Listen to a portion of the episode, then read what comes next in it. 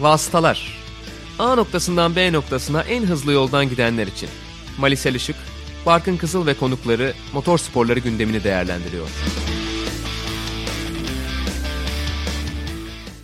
Vasıtaların 53. bölümüne hoş geldiniz. Sokrates Podcast'te 3. sezon 10. bölümümüzde karşınızdayız. Formula 1'de Fransa Grand Prix'sinin ardından ben Barkın Kızıl, Malisel Işık'la beraber bu yarışı ve bu hafta sonunda yaşananların daha fazlasını da değerlendireceğiz. Hem Formula 1'e hem diğer serilere şöyle bir göz atacağız. Hoş geldin Mali. Hoş bulduk. Her zaman olduğu gibi Formula 1 ile başlayalım vakit kaybetmeden. Çok olaylı bir sıralama seansı olduğunu söyleyemeyiz ama yine de aslında konuşmamız gereken bazı noktaları vardı. Seansın hemen başında Yuki Tsunoda'nın yaptığı kaza ve ardından aracında meydana gelen arıza ile beraber kırmızı bayrak çıkması biraz bizleri bekletti sıralama seansında ve bir de seansın son bölümde Mick Schumacher'ın kazası var ki aslında bu son dönemde moda olan sıralamada kaza yaparak iyi bir pozisyonu elde etme olayı da Mick Schumacher'ın da başına gelmiş oldu. İkinci... Bilerek çarpıtıcılara gün doğdu yine. Ekmeğe evet yani ikinci sıralama seansı da o kendi kazasıyla kalmış oldu Mick Schumacher. ne kadar orada tur atamasa da gerçekten enteresan bir şekilde bu istikrarda sürüyor üst üste haftalarda bir kez daha böyle bir olay ee, gördük. Hede, hedefi Ferrari bu tarz şeyleri öğrenmesi gerek. evet yani bu da doğru buna da bir şey diyemedim.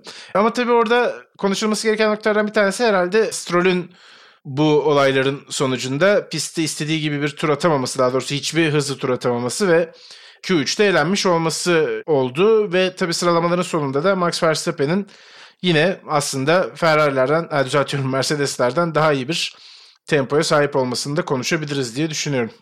Evet sürprizdi çünkü yani normalde Paul Ricard Formula 1'e geri dönüşünden sonra Fransa Grand Prix'sinin de tabii ki dolaylı olarak takvime dönüşünden sonra tamamen her seansta yani sadece sıralama turu yarışlarda falan da değil 2018-2019'da bütün seanslarda zirvede bir Mercedes vardı. Yani o açıdan baktığınız zaman şu anda Mercedes pisti olarak beklenen bir yerde Red Bull'un bunu yapabiliyor olması, önce sıralama turlarında tabii ki pole pozisyonunu alıyor olması, sonrasında galibiyet zaten birazcık doğru değerlendirmeyi yapamadığımızı da gösteriyor. Çünkü yani zemin şartlarına ve lastik şartlarına göre galiba artık aerodinamik şartlardan ziyade hangi takıma daha uyacağını pistleri o şekilde sanki kararlaştıracağız. Çünkü zaten yarış içerisinde de yarıştan bahsettiğimizde daha doğrusu bahsedeceğiz ama düzlüklerde de hızlı bir Red Bull gördük. E, iş birazcık daha tamamen lastik şartlarına doğru hangi lastikleri nerede daha iyi kullandığını biliyoruz sonuçta her iki takımın da. Biraz oraya doğru gidecek gibi. Ama açıkçası güzel bir sürprizdi bence. Çünkü yani bazı yarışları Red Bull bazı yarışları Mercedes garanti kazanacak olsa evet yani tabloya baktığınız zaman takımlar ve pilotlar şampiyonasında yine yakın bir mücadele olabilir ama yarışların kendisi öyle çok acayip bir beklenti veya keyif içerisinde geçmez ki Fransa Grand Prix'sinden de beklentimiz buydu ve beklentilerimizin neredeyse tamamen tersi bir yarış izledik. Evet senin de dediğin gibi ne kadar bilinmez olursa o kadar keyifli oluyor. Zaten yarışın içinde de bunu birazdan konuşuruz. Bu arada sen lastiklerden bahsettin. Aynı zamanda Paul Ricard pistinin bu işte kaçış alanlarında bulunan kırmızı ve mavi çizgilerinde lastikleri biraz beklendiğinden fazla yıprattığı ile ilgili de bazı mesajlar vardı takım telsizlerinden duyduğumuz. Aynı şekilde pistin de. Şöyle bir durum vardı. Pistin senin de söylediğin gibi o dışındaki mavi kısımlar orta derecede araçları yavaşlatıyor ve lastikleri aşındırıyor. Kırmızı kısımlar tamamen ciddi anlamda mahvediyor lastikleri ki zaten e, antrenmanlarda Carlos Sainz orada bir spin attıktan sonra lastiğin o kanvas kısmı görünmeye başlamıştı. Biraz tehlikeli olduğunu da düşünüyorlardı onlar. E, tungstenli asfalt karışımı bir zımpara kullanılıyor neredeyse orada yani. Bir de şey söyleyecektin herhalde sosis körbleri değil mi? O da çok tartışıldı çünkü. Evet hem sosis körpler hem pistin kendi asfaltının da bu arada beklendiğinden daha çok lastik aşıması yarattığını söyleyecektim. Hmm. Zaten bu da yarışta stratejilere doğrudan etki etti. Yani belirleyici noktalardan bir tanesi oldu diyebiliriz herhalde asfalt. Evet yani hem öyle hem de antrenman seanslarında dahi o asfaltla alakalı çok güzel, asfaltla değil daha doğrusu kaçış alanlarıyla alakalı çok güzel diyaloglar yaşandı. Son zamanlarda tabii FIA daha doğrusu FOM yayıncı kuruluş daha doğrusu yayınları bir şekilde onlar yapıyorlar tabii ki reji diyelim Formula bir yönetimi Formula Management. Takımlarla FIA arasındaki diyalogların ne kadar e, işin iç yüzünü güzel yansıttığını gördükten sonra Michael Massey'e bir kamera dahi koymuşlar. Arada onu gördük yarış kontrolde. Daha bu diyalogları daha fazla daha sık vermeye başladılar. Hem Mercedes hem de Red Bull sosis körbüler hakkında e, şikayetlerde bulundular. Yani yüz binlerce poundluk hasar olmasına gerek var mı gerçekten birazcık pist dışına çıktık diye şeklinde hem Red Bull'dan hem e, Mercedes'ten tepkiler geldi. Onun dışında ön kanadını hasarlayan pek çok isim vardı. İyi ki Bottas'tı. Sonra Max Verstappen de yine ön kanadının o end plate denilen kısmına ufak bir hasar verdi. E, karbon fiber ağaçta yetişmiyor onu bize geri gönderirsen seviniriz de dediler. Ya bütün bunlar şöyle bir çerçeveden bakıldığında ilginç hale geliyor. Bütçe kısıtlaması büyük takımların e, en ufak bir araç hasarını dahi hesaplaması gerekmesine yol açmış. Bu bence güzel bir şey. Önümüzdeki yıldan itibaren tam olarak oturacak bir şey aynı zamanda. Ve belki de ilerleyen yıllarda Formula 1'in ve dolaylı olarak da alt serilerin daha maddi açıdan ulaşılabilir hale gelmesine sebep olabilir. Bu beni sevindiriyor açıkçası. Bir de dediğim gibi FIA ile takımlar arasındaki o diyalog her zaman daha keyifli hale geliyor gibi görünüyor. Ne kadar sık ne kadar iç yüzünü yansıtırlarsa daha doğrusu o kadar e, biz de anlıyoruz ve güzel diyaloglar bir taraftan. Çünkü 2019'dan beri o e, sosis körbler orada diyerek cevap verdi Michael Massey. Aynı zamanda takımlar daha önce pistin fiziksel sınırları olmasını istiyordu. Biz de ona istinaden hareket etmiştik dedi ve aslında geri adım atmadı. Yarışta bu arada çok dramatik bir şeyler görmedik. Bu kaçış alanları özelinde konuşursak. Çünkü senin de söylediğin gibi kaçış alanlarındaki lastikler ciddi anlamda daha doğrusu kaçış alanlarına çıktığınız zaman lastikler aşınıyordu. Yani Fettel dışında çok pist dışı gezinti yapan da olmadı zaten yani büyük anlamda. E, çok bir problem o açıdan ortaya çıkmadı. İkinci virajın çıkış körbüne de kimsenin çarpıp böyle ciddi bir hasar aldığını görmedik. 11. virajın çıkışındaki körbde de bu arada körbler biraz fazla yüksek olduğu için araç, aracın tabanının hasar aldığına dair bir takım problemler yaşayan pilotlar vardı. Ama yarışa pek etki etmedi bunlar sadece e, cuma ve cumartesi gününün gündemiydi. Yine de Paul Ricard'ın standarttan biraz daha farklı bir hafta sonu olacağının sinyallerini veriyordu belki de bu ufak değişiklikler, bu ufak problemler, sorunlar. Evet bu sosis körp mevzusu zaten başka pistlerde de sık sık son zamanlarda da karşılaştığımız tartışmalardan bir tanesiydi. E tabii Katalonya'da mesela 8. virajın içerisindeki e, sosis körbleri çok daha virajın apexinin önüne doğru taşımışlardı. Yani virajın daha ilerisinde başlayan sosis körbleri daha erkene çekmişlerdi. Orada yine Max Verstappen ve bir iki pilot daha eski tarzına alıştıkları için aracın ön kanadını hasarlamışlardı. Bunun tam tersi olarak da Bakü'de mesela yine işte Kız Kalesi kısmına çıkarken Kız Kulesi daha doğrusu pardon. O bölüme çıkarken sol tarafta içteki e, ilk körbü tamamen silip tamamen kaldırıp oraya sadece yere e, körb renginde şeritler boyamışlardı. Yani bunun bazen daha yumuşak hale getirilmesi, daha rahat hale getirilmesi için de çaba sarf ediyorlar. Bazen de pilotlar için pisti daha pistin hemen dışını daha doğrusu daha cezalandırıcı hale getirebiliyor FIA.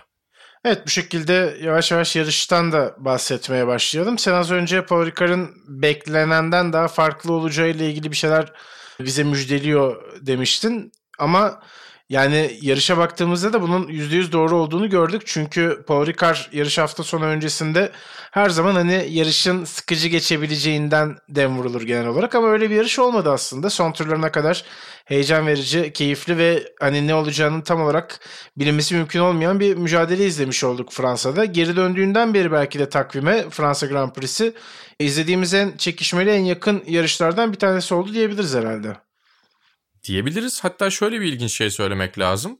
Uzun zaman sonra 2019 Avusturya'dan beri ilk kez bütün araçlar finish görmesine rağmen bu kadar keyifli bir yarış ortaya çıktı ki 2018'de aslında startla birlikte kazaları gördüğümüz bir yarıştı ama sonrasında neredeyse uyuyakalmıştık. 2019'da son turda bir dörtlü mücadele vardı. O biraz keyifliydi belki ama onun dışında yarışta çok bir şey görmemiştik. Ya burada liderlik mücadelesi ve onun etrafında getirdiği o gergin hava yani pist üstü aksiyon var tabii ki ama yani yine de tabii ki Paul Ricard standartlarına göre yüksek olmasına rağmen bir Grand Prix ortalamasına göre çok fazla geçiş olmadı. Ama liderlik mücadelesi tamamen ters stratejilerle yetişecek yetişemeyecek biraz av avcı işte ya da ne bileyim bir kovalamacı ortaya çıktığı için ve de yarışın galibiyetini etkileyen bir kovalamacı ortaya çıktığı için bence çok daha e, keyifli bir Paul Ricard izledik. Ya burada Mercedes'in çok üstün olmasını beklerken Mercedes'in o kadar da üstün olmaması hatta Red Bull'un gerisinde kalması hız olarak bence bu hafta sonunu keyifli hale getirdi. Beklenmedik bir şey ortaya koydu. Ve farklı stratejilere gitmeleri de keyifliydi. Mesela yine bahsedeceğiz ondan ama e, hemen Red Bull'un yaptığını Mercedes takip etseydi belki bu kadar yarışın sonunda buluşacak kadarlık bir durum ortaya çıkmayacaktı. O kadar gergin bir şekilde ya da bu kadar heyecanlı bir şekilde izlemeyecektik. Ya şimdi bir de şöyle bir durum var bence. Hazır Red Bull Mercedes çekişmesine girmişken şu anda Red Bull'un elinde Sergio Perez'in olması kesinlikle işleri daha farklı bir duruma getiriyor. Bunu önceki sezonlarda da zaten vasıtalarda da konuşmuştuk ya da dışarıda sohbet ederken de konuşuyoruz. Yani Mercedes çoğu zaman hani Bottas'ın istenileni veremediği günler olsa da 2'ye 1'i yakalıyordu Red Bull'a karşı. Şu anda tamamen 2'ye 2 bir mücadele söz konusu. Hatta Perez'in Hatta bazen Red Bottas'ı zorladığını söylüyoruz, görüyoruz. Evet senin de dediğin gibi bazen Bottas oralarda olmuyor ama Perez oralarda olmaya başladı. Kendisi zaten 5 yarışa ihtiyacım var dedikten sonraki yarışında yarış galibiyeti aldı. Sözünü de tuttuğunu söyleyebiliriz bir anlamda. Şu anda Artık araçla olan uyumu da çok iyi gözüküyor. Hızı da çok iyi gözüküyor. Yine Bottas'ı mağlup etmeyi başardı. Sen az önce bahsediyordun işte hani Mercedes'in hızlı olmasını bekliyoruz diye. Ama hem aslında birinci pilotlarda diyelim tırnak içinde Verstappen Hamilton'ı hem de ikinci pilotlarda Perez Bottas'ı geçmeyi başardı. Yani buradan tamamen istediğini alan tarafında Red Bull olduğunu söylemek lazım. Bunu yaparken tabii aslında stratejik seçimler öne çıktı. Biraz daha pit stop stratejilerinin ve işte yapılan seçimlerin galibiyeti getirdiği, belirlediği bir Grand Prix oldu zaten. Katalonya'da Mercedes'in Red Bull'a yaptığını bu kez tersini görmüş olduk Red Bull tarafından. Ve çok da sakin kalarak yarışın sonuna kadar o farkları doğru hesaplayarak gelen bir galibiyet oldu ve podyumda iki Red Bull vardı. Tek Mercedes'i podyuma çıkartmasına izin verdiler. Daha sonra onların podyuma çıkmasına izin vermiş oldular. 1 ve 3. sıraya alarak. Takımlar şampiyonasında da Red Bull'un avantajı giderek artıyor. Ya çok büyük ihtimalle tabii ki sezon çok uzun. Yani tarihin en uzun sezon olduğu için de öyle ama yani normal bir uzunlukta sezon da olsaydı çok başında olacaktık ama takımlar şampiyonasında özellikle Red Bull farkı açarak devam ediyor. Ve yani pilotlar şampiyonasında umuyorum son yarışa kadar kalır tabii ki ama e, takımlar şampiyonasında iş daha erken Red Bull lehine bitebilir gibi görünüyor. Ama yani bunu tabii ki 6. yarıştan 7. yarıştan söylemek ne kadar doğru bilmiyorum. İlla bir tahmin yapmak zorunda değiliz çünkü. Bazen işte spor medyası olarak düştüğümüz şeylerden bir tanesi o. İlla böyle öngörüde tahminde bulunma zorunluluğumuz varmış gibi geliyor ama şu anki temposuyla birlikte Red Bull avantajlı görünüyor açıkçası. Senin de söylediğin gibi. Bir de bir taraftan yani Katalonya'da Mercedes'in Red Bull'a yaptığını burada Red Bull Mercedes'e yaptı diye sen çok güzel söyledin zaten. Yani aslında strateji olarak fena başlamamıştı. Ya yani ilk pit stoplarla birlikte geriye düşmesi tabii ki Mercedes'in çok iyi olmadı. Hamilton'ın geriye düşmesi onlar için kötü oldu. Çünkü startta Verstappen'in yaptığı ufak hatayla birlikte aslında avantajı ellerine geçirmişlerdi. Yarışın temposunu onlar belirleyebilirlerdi. Ama ilk pit stoplar sonrasında geriye düşünce e, bu sefer çok ciddi bir tempoyla kovalamaya başladı Lewis Hamilton Max Verstappen'i. Buraya kadar bence iyi gidiyorlardı çünkü Max Verstappen'i lastikleri kullanmaya itmek çok güzel bir stratejiydi. Ama burada yarışın sonuna kadar bu tempoyla gidemeyeceklerini ikisi de fark ettikten sonra ki Max Verstappen de bunu söylüyordu ki zaten Max Verstappen bunu yapsın diye zorladığı için Lewis Hamilton ve Mercedes onlar da biliyorlardır. Yani Bottas'ın sadece telsizden söylediği gibidir. Herkes farkındadır. Max Verstappen ve Red Bull İlk hamleyi yapmadan önce onlar pite gelmeliydi bence. Çünkü bu yarışın iki pit stopa gideceği çok uzaktan belliydi. İşte Bottas'ı orada söyledim dinlemediniz diyor belki ama bence Mercedes de biliyordu. Sadece ne yapmaları gerektiğini çok fazla karar veremediler gibi duruyor. E, bence under, undercut'ı kesinlikle Mercedes önce Red Bull'a yapmalıydı. Yani yarışın sonuna da getirebilirlerdi. Yarışın sonuna kadar biraz daha erken gidip o lastiği yettirebilirlerdi diye tahmin ediyorum ikinci bir pit stoptan sonra. Hem de temposunu iyi ayarlayarak devam ettirebilirler. Çünkü Lewis Hamilton'a bu konuda çok güveniyorlar zaten. E, hava şartları da aslında e, tabii ki lastikleri çok ekstrem zorladıkları için ucu ucuna yettirebildiler ama normalde şu hava şartları, bu yarış şartları Mercedes'e biraz daha alan verebilecek bir şeydeydi açıkçası, durumdaydı. Çünkü yani Red Bull'da şu açıdan zorlanıyordu. Normal şartlarda baktığımızda aslında soğuk havalarda Mercedes'in problem yaşadığını biliyoruz lastik ısıtmak için ama Red Bull'un da yaşadığı bir problem vardı. Sabah yağan yağmurla birlikte pist üstündeki kauçuk tamamen gitmişti. Ve onlar daha ince bir arka kanat kullandıkları için aracın arkası daha fazla kayıyordu onların. Dolayısıyla biraz dengeye geliyordu. Mercedes'in normalde belki biraz dezavantajlı olabileceği bir yerde bu şartlar bir araya geldiğinde lastikleri gayet güzel koruyabilecekleri veya istedikleri gibi kullanabilecekleri iki pit stop'tan bahsediyorum tabii ki bir ortam vardı. Ve bunu bence iki araçlarıyla birlikte Verstappen veya Red Bull herhangi bir hareket yapmadan önce onlar yapabilirlerdi. Onları zorlayabilirlerdi. Ama tabii ki e, ilk göz kırpan Red Bull olunca onlar da birazcık açıkta kaldılar. Ne yapacaklarına karar veremediler. Tam olarak aslında e, roller tersine döndü Katalonya ile ve Max Verstappen kendisinden isteneni sonuna kadar yaptı. Çok iyi yaptı. Yani bu kadar iyi bir sürüş. Tıpkı Lewis Hamilton'ın sürüşünü e, övdüğümüz gibi Katalonya'da burada da Max Verstappen'i kesinlikle övmek lazım. Araya giren tur bindirdikleri pilotlar olmalarına rağmen çok güzel bir şekilde yetişti ve son turda, sondan bir önceki turda daha doğrusu e, geçişi yapmayı başardı. Lewis Hamilton da aslında çok fazla savunma yapmadı. Biraz orada Bottas'ın yapmaya çalıştığı ama beceremediği savunmayla Lewis Hamilton'ın çok fazla zorlamamasını istiyorsan karşılaştıralım Barkın. Yani aslında bu noktada istersen şeyi de konuşabiliriz. Özellikle DRS ile beraber yani arkadaki isim farkı kapatıp geldikten sonra geçiş yapacağını %99 biliyoruz. Sence yani bir bu saniyeden aşağı indiğinde fark o iş bitiyor aslında. Aynen öyle. Sence bu durum biraz seyir zevkinden götürüyor mu ya da öndeki pilotun savunma yapma isteğinden götürüyor mu? Bence böyle bir durum söz konusu çünkü ve Hani o fark kapandığı zaman evet zaten arkadaki aracın temposu daha yüksek demek ama her zaman söylüyoruz yakalamak başka bir şey, geçmek bambaşka bir durum diye. Fakat DRS ile beraber geçmek de aslında çok öyle bambaşka bir durum haline gelmiyor. Yani o avantajı kullandığınız zaman zaten daha da hızlıysanız mutlaka o geçişi buluyorsunuz. İşte Bottas'ın tam olarak istediği gibi savunma yapamamasının sebeplerinden bir tanesi de belki o olarak gösterebiliriz. Çünkü bir noktada biliyor öndeki pilot içten içe geçireceğinden belki de emin oluyor. Çünkü biz izlerken emin oluyoruz. Muhtemelen onlar için de aynı durum söz konusu oluyordur. Çok hani nadir bir şekilde savunmaların başarılı gerçekleştiğini görüyoruz bu sistemle beraber. Bilmiyorum sen ne söylersin ama bana sanki hani başka bir alternatife gidilse en azından geçiş anlamında daha keyifli, daha heyecanlı bir hale gelebilirmiş gibi geliyor. İşte hem Hamilton'ın savunma yapmamasından, senin de bahsettiğin gibi hem Bottas'ın yapamamasından benim aklımda canlanan en azından bu oldu. Yani evet haklısın çünkü sadece kaçınılmazı geciktirebiliyorsunuz DRS ile birlikte. Özellikle de lastik performansında ciddi farklar varsa öndeki ve arkadaki araç arasında. Ama başka bir çözüm aslında 2022 kuralları gibi görünüyor. Çünkü eğer 2022 kuralları ile birlikte e, araçlar birbirini çok rahat bir şekilde takip edebilecek ve geçiş yapabileceklerse DRS'yi de yavaş yavaş işin içerisinden uzaklaştırmak istiyor zaten FIA ve Formula 1 yönetimi orta vadeli planları arasında DRS'ye ihtiyaç duymamak var aslında öyle söylemek lazım. Çünkü DRS biraz yara bandıydı. Çünkü yani uzun süre devam ettirilebilir bir çözüm gibi değil kısa süreli bir çözüm olarak getirilmişti. Tabii çok uzun zamandır Formula 1'in bir parçası haline geldi. Belki etki alanı azaltılabilir. Önümüzdeki yıldan itibaren yine DRS'ye ihtiyaç olabilir ama DRS bölgeleri kısaltılabilir. Şu anda tam tersi yapılıyor. Uzatılabiliyor DRS bölgeleri. Sayısı düşürülebilir Daha belki. kısa kısa kullanılabilir. Nasıl? Sayısı düşürülebilir belki bir pist üstünde. Sayısı düşürülebilir pist üstündeki. Aynen öyle.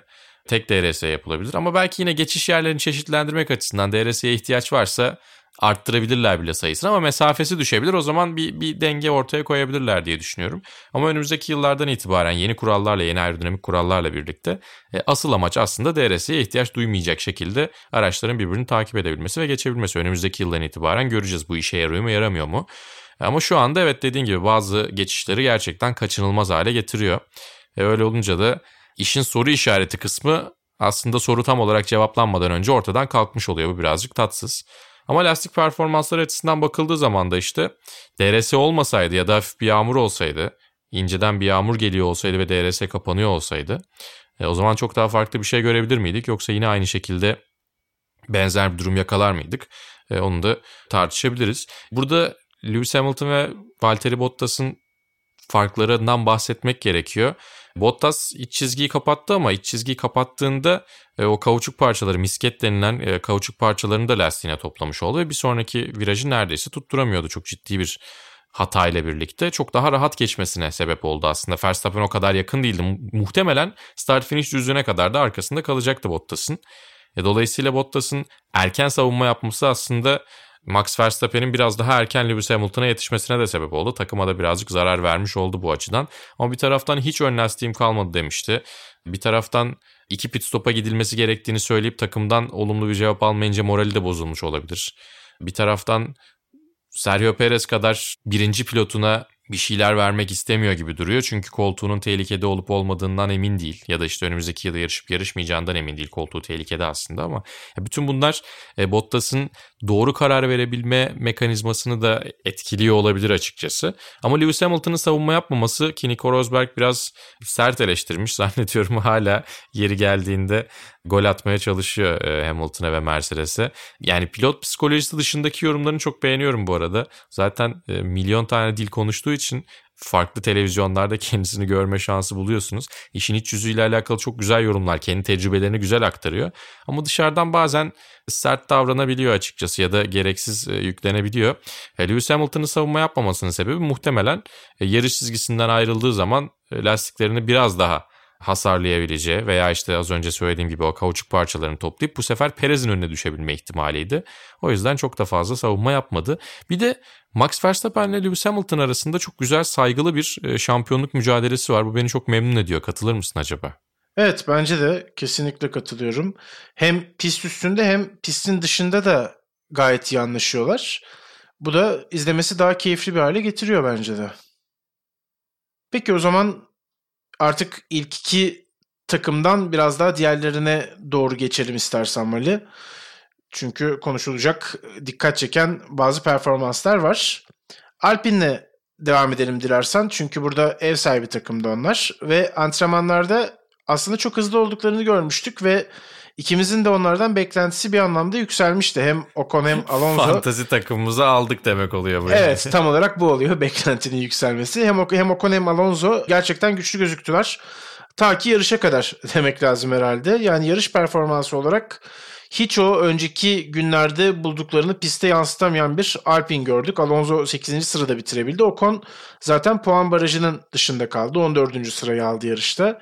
Onlar için iyi başlayan hafta sonu iyi bitmedi. Önemli olan kısmı en azından istedikleri gibi geçmemiş oldu. Daha hala bir şeylerin yoluna girmesi gerektiğini herhalde gösteren bir performans oldu diyebiliriz kendi evlerinde Fransa'da.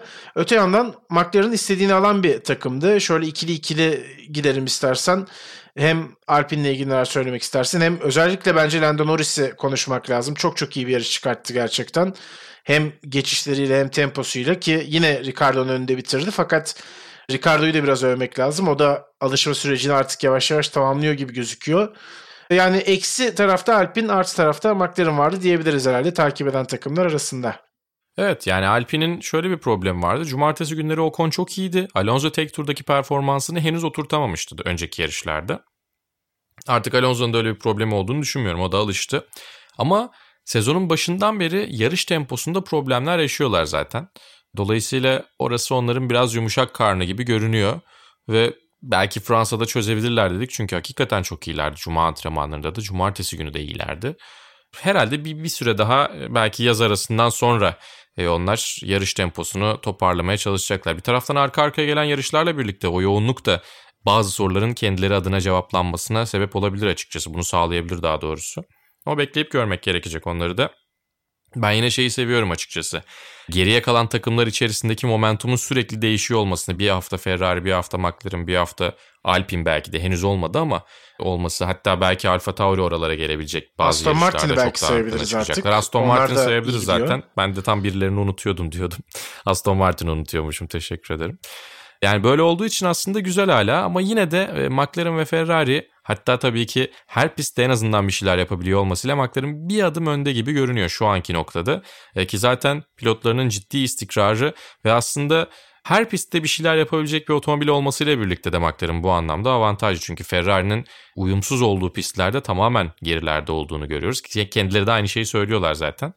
E, Lando Norris bu sene bir yarış hariç bütün yarışlarda ilk 5'e girdik. İnanılmaz bir istatistik bence bu ve çok işlerine yarayacak bir istikrar aynı zamanda ve belki ileride Lando Norris'i şampiyonluk potasına önümüzdeki yıllarda girdiği zaman eğer McLaren önümüzdeki yıllarda güçlü bir takım şampiyonluk mücadelesi veren bir e, takım olursa çok işine yarayacak bir istikrar. Çünkü önemli puan toplamanın ne kadar avantajlı olduğunu birinci elden görüyor.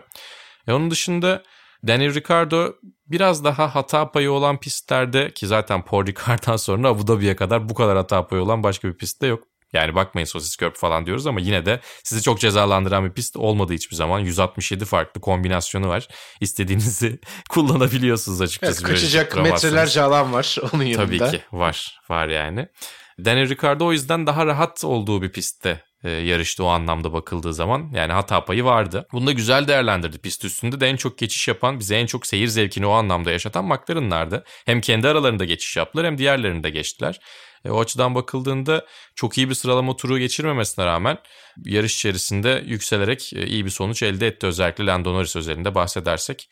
E, şu ana kadar McLaren geriye kalanların en iyisi gibi görünüyor. Bazı pistlerde en iyi üçüncü takım olmayabiliyorlar ama sezonun geneline baktığımızda şu anda iki adım geriye atıyorsa rakipleri iyi olmadığı yerlerde McLaren yarım adım bir adım geride kalıyor. E, biraz o avantaj, biraz istikrarlarını da kullanıyorlar. Evet McLaren'ın da en büyük rakibi Ferrari gibi gözüküyor gerçekten. Biraz daha Ferrari'nin aracına uygun, onların sevdiği tarzda pistlerden Paul Ricard'a geldik.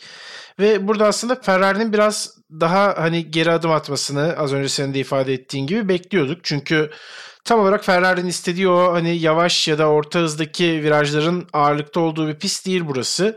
Dolayısıyla Ferrari için uygun olmayabileceği konuşuluyordu. Zaten şaşırtan nokta bizi bence Carlos Sainz'ın sıralamadaki performansı oldu. Yani geri kalanların en iyisi olmayı başarmıştı. Fakat yarışta biraz daha Ferrari'nin gerçek temposunu da görmüş olduk. Hem Sainz'le hem Leclerc'le puan cetvelinin dışında kaldı onlar da. İlk ona giremediler. Kötü bir hafta sonu oldu kesinlikle Ferrari için. McLaren'la olan üçüncülük mücadelesinde yara almış oldular. Böyle geçirdikleri bir haftayla beraber. Onlar da gözlerini sıradaki yarışlara çevirecek artık. Bunun dışında Aston Martin'i tabii konuşalım. Hem Lance Stroll'ün sıralamada tur atamadığından bahsetmiştik zaten. Yarış içindeki yükselişi ve puanla yarışı tamamlaması hem Vettel'in zaten son dönemlerde tutturduğu performansla beraber yine puanlara gidebiliyor olması yavaş yavaş sezonun ilerleyen bölümüyle beraber Aston Martin'in de oralarda olacağını bize gösteriyor herhalde.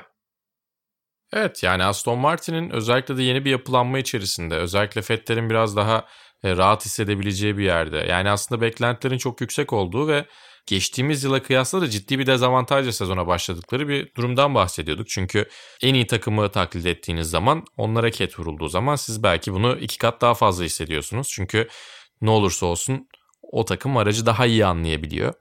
Yani o dezavantajlara rağmen fena toparlamadılar bence. Ben çok daha gerilerde kalırlar ve uzun sürede toparlayamazlar diye düşünüyordum. Dolayısıyla ne kadar orta sıra mücadelesi kalabalık olursa bizim için o kadar keyifli olacak. Onlar için de aslında o kadar keyifli olacak. Dolayısıyla güzel şeyler deniyor olmalarını özellikle pit stop stratejisi anlamında bence orta sıranın en dikkat çeken takımlarından bir tanesi. Ama tabii ki kumar oynayacak kadar geride kendilerini buluyorlar. Bulundukları pozisyon da aslında iyi strateji yapmayı gerektiriyor veya işte farklı şeyler deneyip büyük avantajlar sağlayabilecek stratejileri deneme fırsatı sunuyor onlara. Ama ne olursa olsun e, geride başladıkları zaman, gerilerde kaldıkları zaman büyük kazançlar elde edebilecek iki pilot olarak görünüyorlar. Hem Lance Stroll hem de Sebastian Vettel sezonun geri kalanı için bana heyecan veren bir takım haline geldi onlar. Evet yani alışkın olduğumuz gibi bir performans ortaya koyan bir Alfa Tauri var. Onlardan şöyle bahsetmek gerekirse Gazli bildiğimiz gibi yine ön sıra ön tarafları yakın. İşte bu e, podyumun dışındaki daha doğrusu ilk dördün dışındaki isimlerle mücadelesini veriyor. Çok alışkın olduğumuz bir görüntü. Ve Sunoda da fena bir iş çıkartmadı gerçekten. Sıralamada yaptığı kazadan sonra 13. sıraya kadar yükselerek bu yarışı bitirdi. Sezona hızlı başlamıştı çaylak Japon sürücü. Sonrasında biraz sallantılı bir dönem geçirdi ama geçen hafta da konuşuyorduk. İşte bu takıma yakın oturmaya başlaması, İtalya'ya taşınmasıyla beraber Onda da çok ciddi bir toparlanma var. Bunun da bence işaretlerini göstermeye devam ediyor. Kalan takımlarda çok özel performans yok gibi Mali. Sadece George Russell'ı konuşmak lazım. Bu kadar problemsiz geçen herkes açısından, herkesin yarışı bitirdiği bir günde aldığı 12.lik ve işte Leclerc'i geçmesi, o konu geçmesi, Sainz'ın yakınında olması Williams'la beraber çok özel bir iş oldu yine Russell için. Yine puana gidemese bile çok hani neler ortaya koyabileceğini bir kez daha bizlere ispat ettiği bir yarış oldu herhalde. Evet yani George Russell da zaten yarış sonrasında verdiği röportajda Williams'la birlikte çıkardığımız en iyi yarış oldu dedi. Tamamen performansa dayalı bir 12.lik acayip mutlu etmiş gibi görünüyor onları ki onlar çok ufak bir bargeboard değişikliği yapmışlardı.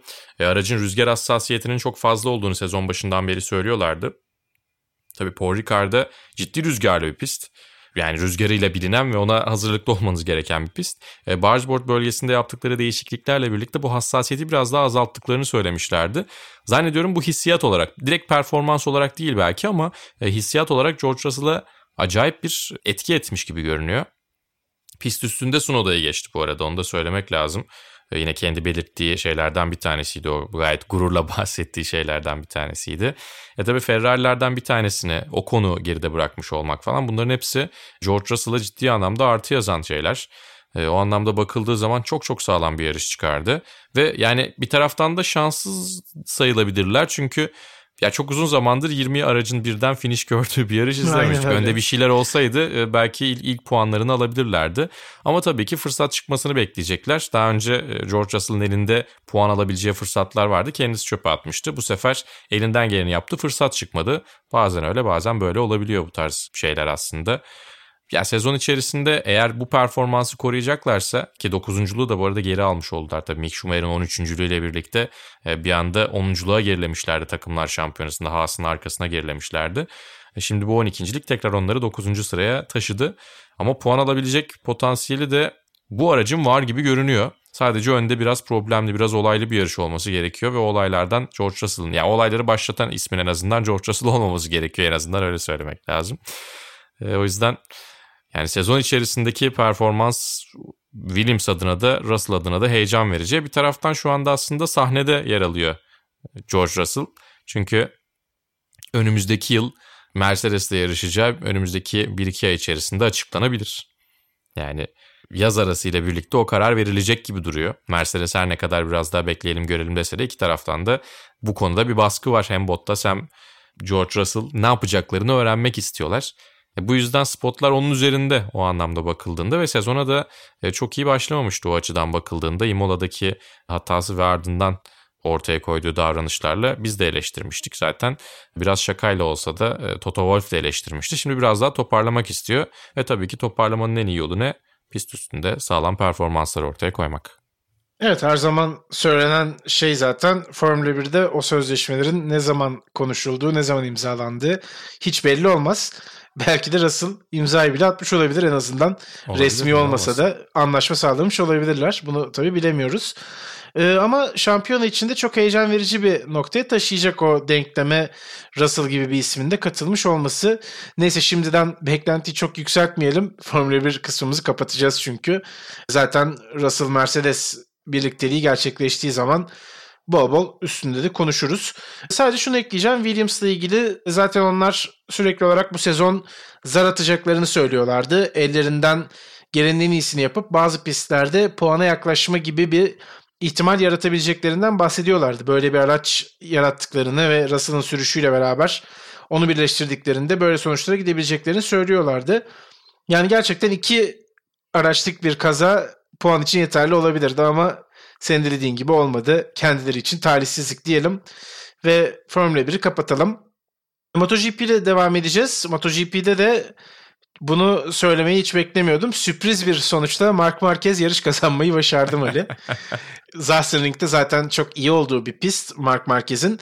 581 gün sonra Valencia'da aldığı son zaferin ardından bir Mark Marquez galibiyeti izlemiş olduk. Oliveira ve Quartararo da podyumu tamamladılar. Seninle konuşurken sakatlıktan dönen Marquez'in bile şampiyonluk için ciddi bir tehdit olabileceğinden bahsediyorduk. Ama o kol sakatlığı kendisini bizim tahmin ettiğimizden biraz daha fazla etkiliyor gibi gözüktü. Pist üstündeki performanslarına da yansımıştı. Zasserling biraz daha onun kazanabileceği tarzda pistlerden bir tanesiydi herhalde. Bunu söylemek yanlış olmaz. O da galibiyeti getirmeyi başardı kendisi adına ve Honda'ya da uzun süre sonra bir tabii yarış zaferi gelmiş oldu bu anlamda. Evet yani 11 yıldır burada geçirmiyor olmasının ciddi bir e, etkisi vardı tabii ki ama bir taraftan fiziksel olarak bakıldığında da sağ kolunu en az zorlayacak pistlerden bir tanesiydi Sachsenring.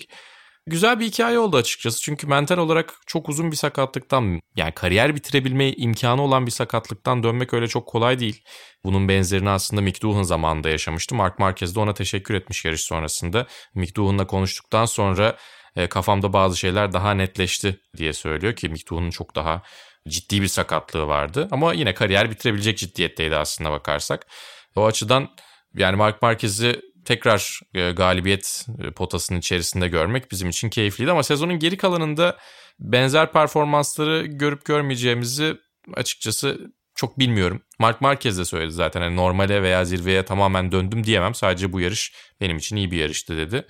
Miguel Oliveira ikinciydi. Fabio Quartararo da üçüncüydü. Şampiyonada da o açıdan keyifli bir mücadele var. Quartararo biraz farkı açtı ama Oliveira da belki e, Joan Mir'in geçtiğimiz yıl yaptığını bu yıl yapabilir onu. Bir, bir kez daha tekrar ediyorum. Söyleye söyleye yapacağım herhalde. Evet İyi KTM'yi KTM'yi zaten hani en öne çıkan motosiklet olabilir mi diye de konuşuyorduk. Neden olmasın? Bence senin de bu ısrarların bir şeyler getirebilir.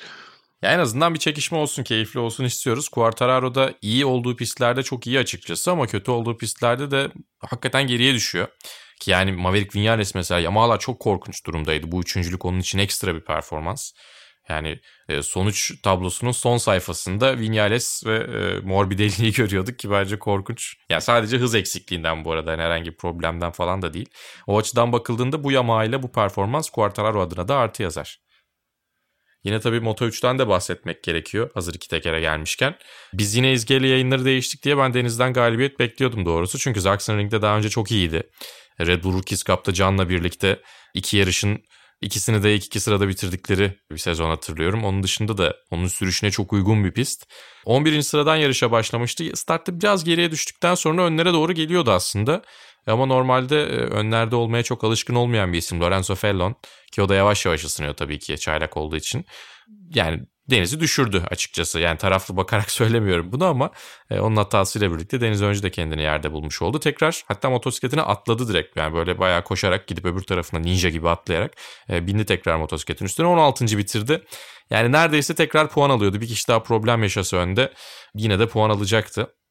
Ama tabii ki üzücü. Yani kendi hatası olmayan bir durumdan dolayı belki ilk 5 görebileceği, belki podyum, belki galibiyet görebileceği ama kesinlikle ilk 5 görebileceği bir yarışta 16. sırada puansız bitirmiş oldu ama tabii artık e, o podyumla birlikte sezonun geri kalanına daha rahat bakacaktır. Artık ne yapabileceğini de tam anlamıyla göstermiş oldu. Ya umuyorum sezonun geri kalanında da güzel performanslarını hem izleyeceğiz hem anlatacağız e, Deniz Öncü'nün. Yine Türk sporculardan devam edelim aslında. E, Türk sporunun yüzü çünkü e, sahalarda değil de biraz daha pistlerde gülüyor gibi. E, Porsche Carrera Cup Almanya'da Monza ayağında Ayhan Can Güven İlk yarışta üçüncüydü. İkinci yarışta startta liderliğe yükselmişti ama yağmurun gelişiyle e, hata yapıp Larry Tenforde'ye geçildi. E, ve yarışı ikinci sırada tamamladı. Şampiyonada da Tenforde ve Zöckling'in arkasından üçüncü sırada istikrarlı bir şekilde aslında takibini sürdürüyor. O da tabii e, Porsche Super Cup ve Porsche Carrera Cup Almanya'da e, gayet iyi bir şekilde e, ülkemizi temsil ediyor. Yine GT4 Avrupa Şampiyonası'nda Sandford'da Cem Bölükbaşı ve Berkay Besler bu sene biraz süper takım gibi oldular onlar. Aynı aracı paylaşıyorlar. Bayağı da iyiler aslında. Burada çok istedikleri performansı sergilemediler. İyi, iyi sonuçlar alamadılar doğrusu. İlk yarışta genel klasmanda 15. kendi sınıflarında Prime sınıfında 5.lerdi.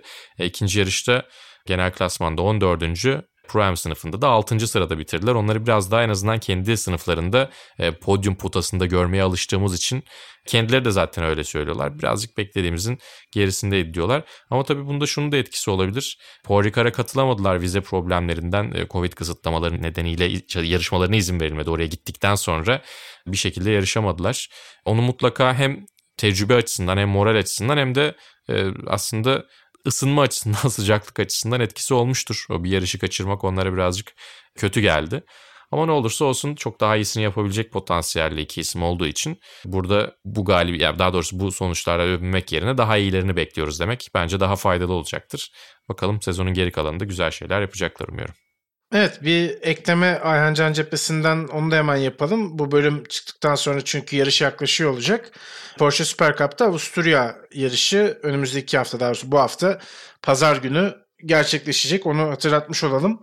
Ee, bir de tabii Toprak'tan bahsetmek lazım. Geçen hafta bölüm olmadığı için konuşamadık Toprak Razgatlıoğlu ile ilgili. O da yine bu sezonun ilk galibiyetini almayı başardı Misano'da ki zaten istikrarlı bir şekilde podyumları bulmaya devam ediyor Toprak. Bu istikrarlı podyum sonuçlarıyla yüksek puanlarla da beraber şampiyonada takibini çok yakın bir şekilde hissettiriyor Jonathan Ray karşısında. Son 6 yılın Superbike Dünya Şampiyonu ile aralarında sadece 20 puanlık bir fark var. Geri kalan bütün rakiplerini geride bırakmayı başardı Misano'daki performansıyla beraber. Ve şu anda da şampiyonada ikinci basamağa yükselmiş vaziyette az önce de söylediğim gibi onun da çok iyi gidiyor sezonu Superbike'da dünya şampiyonluğu için sonuna kadar zorlamaya devam ediyor. Toprak Razgatlıoğlu. Türk yarışlardan haberlerimiz bu şekildeydi. Bu hafta sonu öne çıkan yarışlardan bir tanesi de Formula E'de Meksika E-Prix'siydi. Meksiko City'deki kullanılan bölgenin bir pandemi hastanesi olması sebebiyle farklı bir lokasyonda Puebla'da gerçekleşti Meksika'daki April ve ilk yarışta Takoyer Porsche Formula E'de aradığı o galibiyeti yakalamış gibi gözüktü Pascal Wehrlein'le beraber fakat kullandıkları lastikleri yarış yönetimine bildirmemişler. Sisteme girmişler ama yüklememişler. Bu sebepten dolayı diskalifiye edildiler ve galibiyet Alan McLeish'in takımı olan Audi Sport'a gitti. Lucas Di Grassi kazanmayı başardı. İkinci yani yarışta çok öğrenci işleri bir hata değil mi sanki? çok gerçekten unutmuşlar. yani yüklemeyi unutmuşuz diye açıklama yapmak zorunda kaldılar koskoca Porsche takımı. İkinci yarışta ise yine bir başka tanıdık ismin aslında Suzy Wolf'un takımı kazanmayı başardı. Rocket Venture Racing'in galibiyeti aldığını gördük. Eduardo Mortara ile beraber diyelim. Formula E'den de şöyle bir küçük bahsetmiş olalım. Ve bu şekilde de bölümü kapatalım diyorum artık. Vasıtadan 53. bölümünde yine ben Barkın Kızıl, Malis Erişik'le beraber sizlerle birlikteydik. Bir sonraki yarışın ardından bir sonraki bölümümüzde tekrar görüşmek dileğiyle. Hoşçakalın. Hoşçakalın.